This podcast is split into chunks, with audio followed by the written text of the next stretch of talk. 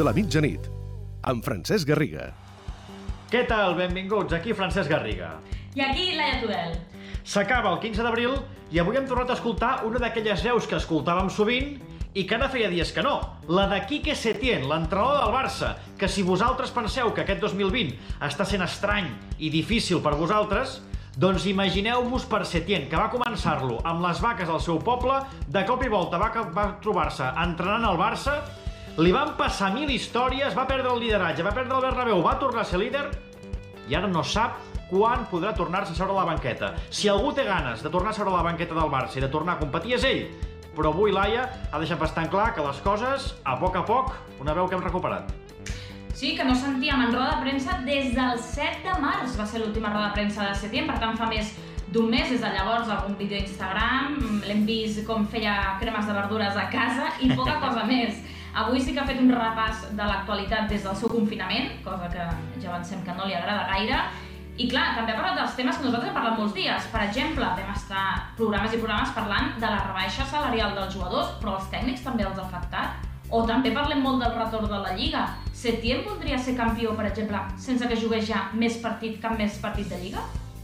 La realidad es que se lleva mal. Eh, la incertidumbre es lo peor, por lo que a mí me gustaría sin duda es jugar y quedar campeón jugando. Esto es obvio, ¿no? Creo que eso es eh, totalmente anecdótico y lo que realmente a mí me preocupa es que esto se solucione cuanto antes. Sí, sí, nosotros evidentemente estamos exactamente igual que los jugadores. Los jugadores tenían absolutamente claro y nosotros que, que íbamos a tener que reducir nuestro sueldo y que estábamos dispuestos a ello. Ya se lo digo muchas veces a los jugadores, que, que yo tengo bastante prisa, que no tengo mucho tiempo que perder. Claro que lo he soñado, claro. Claro, y pasearme por Liencres allí con las vacas, con la copa, con la, ¿eh? con la Champions por allí, i ensenyar-se. I també ha fet un repàs de coses del futur.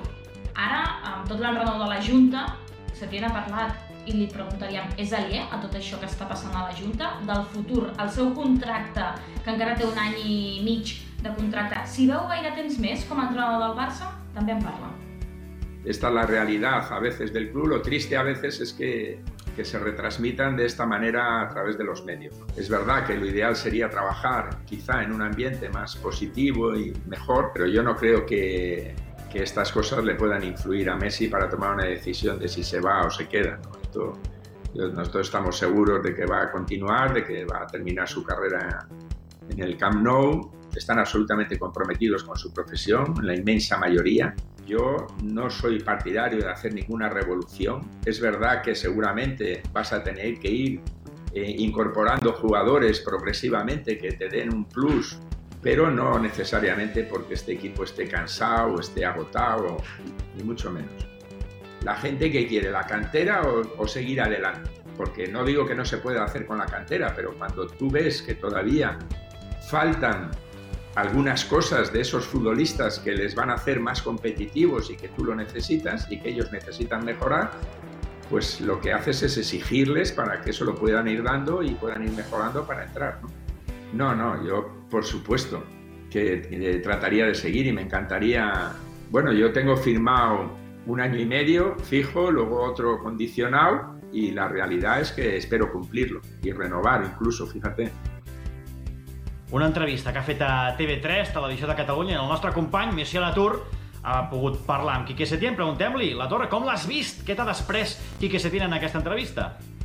Sí, sí, uh, tota la raó. Ha estat una autèntica experiència, això de fer-li una entrevista virtual a l'entrenador del Barça, que fer aquest matí amb la Laura Brugués. Hem vist un Quique Setién relaxat, tranquil, potser per això, pel fet d'estar a casa, no tenir una càmera grossa davant, no tenir els focus...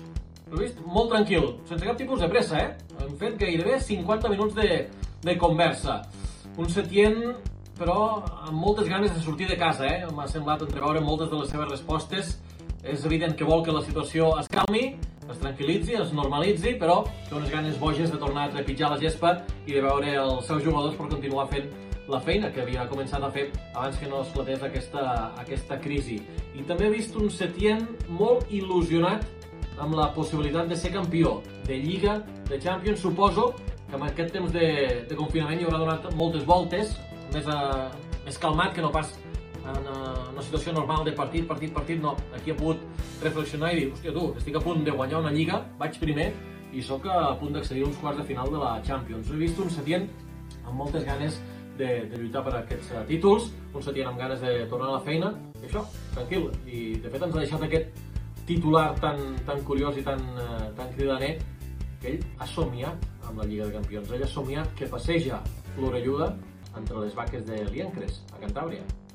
Un dia més ens preguntem quan tornarà la Lliga. De moment sabem que el Consejo Superior de Deportes prepara un protocol pel retorn als entrenaments i pel retorn a les competicions. En tot cas, els clubs ja tenen un primer document que ho veu una mica factible. A veure, atenció, quines són aquestes dates de la Lliga? Tornaria el 29 de juny fins al 2 d'agost, jugant-se dos partits cada setmana, no tres. Ara bé, tot això només és un pla, que falta encara que s'aprovi, eh, sobretot perquè depèn del Ministeri de Sanitat. Això voldria dir que l'agost quedaria per les competicions europees. Altres competicions no ho tenen tan clar. Per exemple, de segona divisió en avall, què passa amb segona B, què passa amb tercera? Avui reunió dels equips catalans de segona B per decidir què ha de passar. El Dani Badia ens en dona més detalls. La reunió telemàtica d'aquesta tarda dels 10 equips catalans del grup tercer de segona B, més l'Andorra, amb la Federació Catalana de Futbol, ha servit per evidenciar que cadascun dels clubs implicats es mira amb ulls diferents la proposta d'ahir de la Federació Espanyola de Futbol de donar per acabada la Lliga, amb la disputa d'un play-off d'ascens per la via ràpida, sense aclarir quants equips el jugaran i sense descensos, i amb l'agreujant que s'augmentaria el nombre de clubs de segona B durant uns quants anys.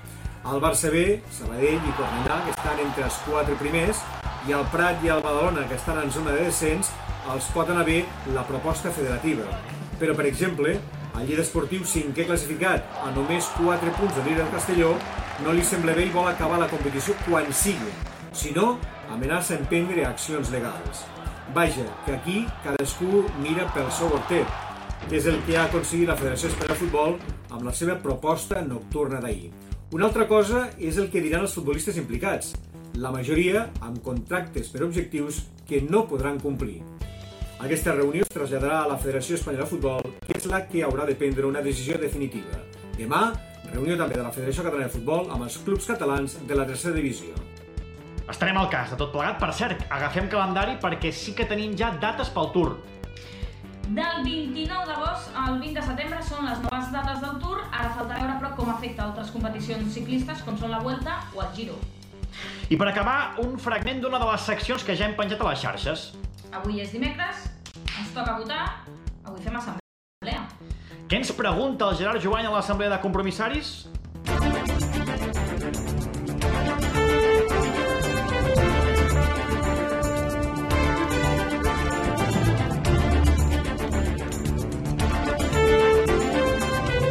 Assemblea de compromissaris. Garriga, Tudel, com esteu? Avui us eh, proposo un tema d'actualitat, una assemblea d'actualitat. Suposo que heu sentit a parlar d'una mm, petita crisi, una pandèmia que estem patint de coronavirus, no? Aquesta és una de les crisis, l'altra és la del Barça. Tot i que, segons allà on llegeixis, eh, es veu que no hi ha crisi, no? que és una oportunitat perquè en sortim tots plegats més reforçats. De manera que he pensat, hòstia, doncs potser si Josep Maria Bartomeu, que gestiona també les crisis, estigués al capdavant de la pandèmia de coronavirus, mm, les coses ens anirien millor. Per tant, us donaré tres arguments a favor de Josep Maria Bartomeu gestionant la crisi, la pandèmia mundial, i tres arguments en contra d'aquesta possibilitat. I fins aquí aquest Home Edition d'avui. Eh, ens retrobem demà. Ja dijous anem encarant la cinquena setmana de confinament. Que ràpida aquesta setmana, tu. Adéu-siau. Adéu, adéu.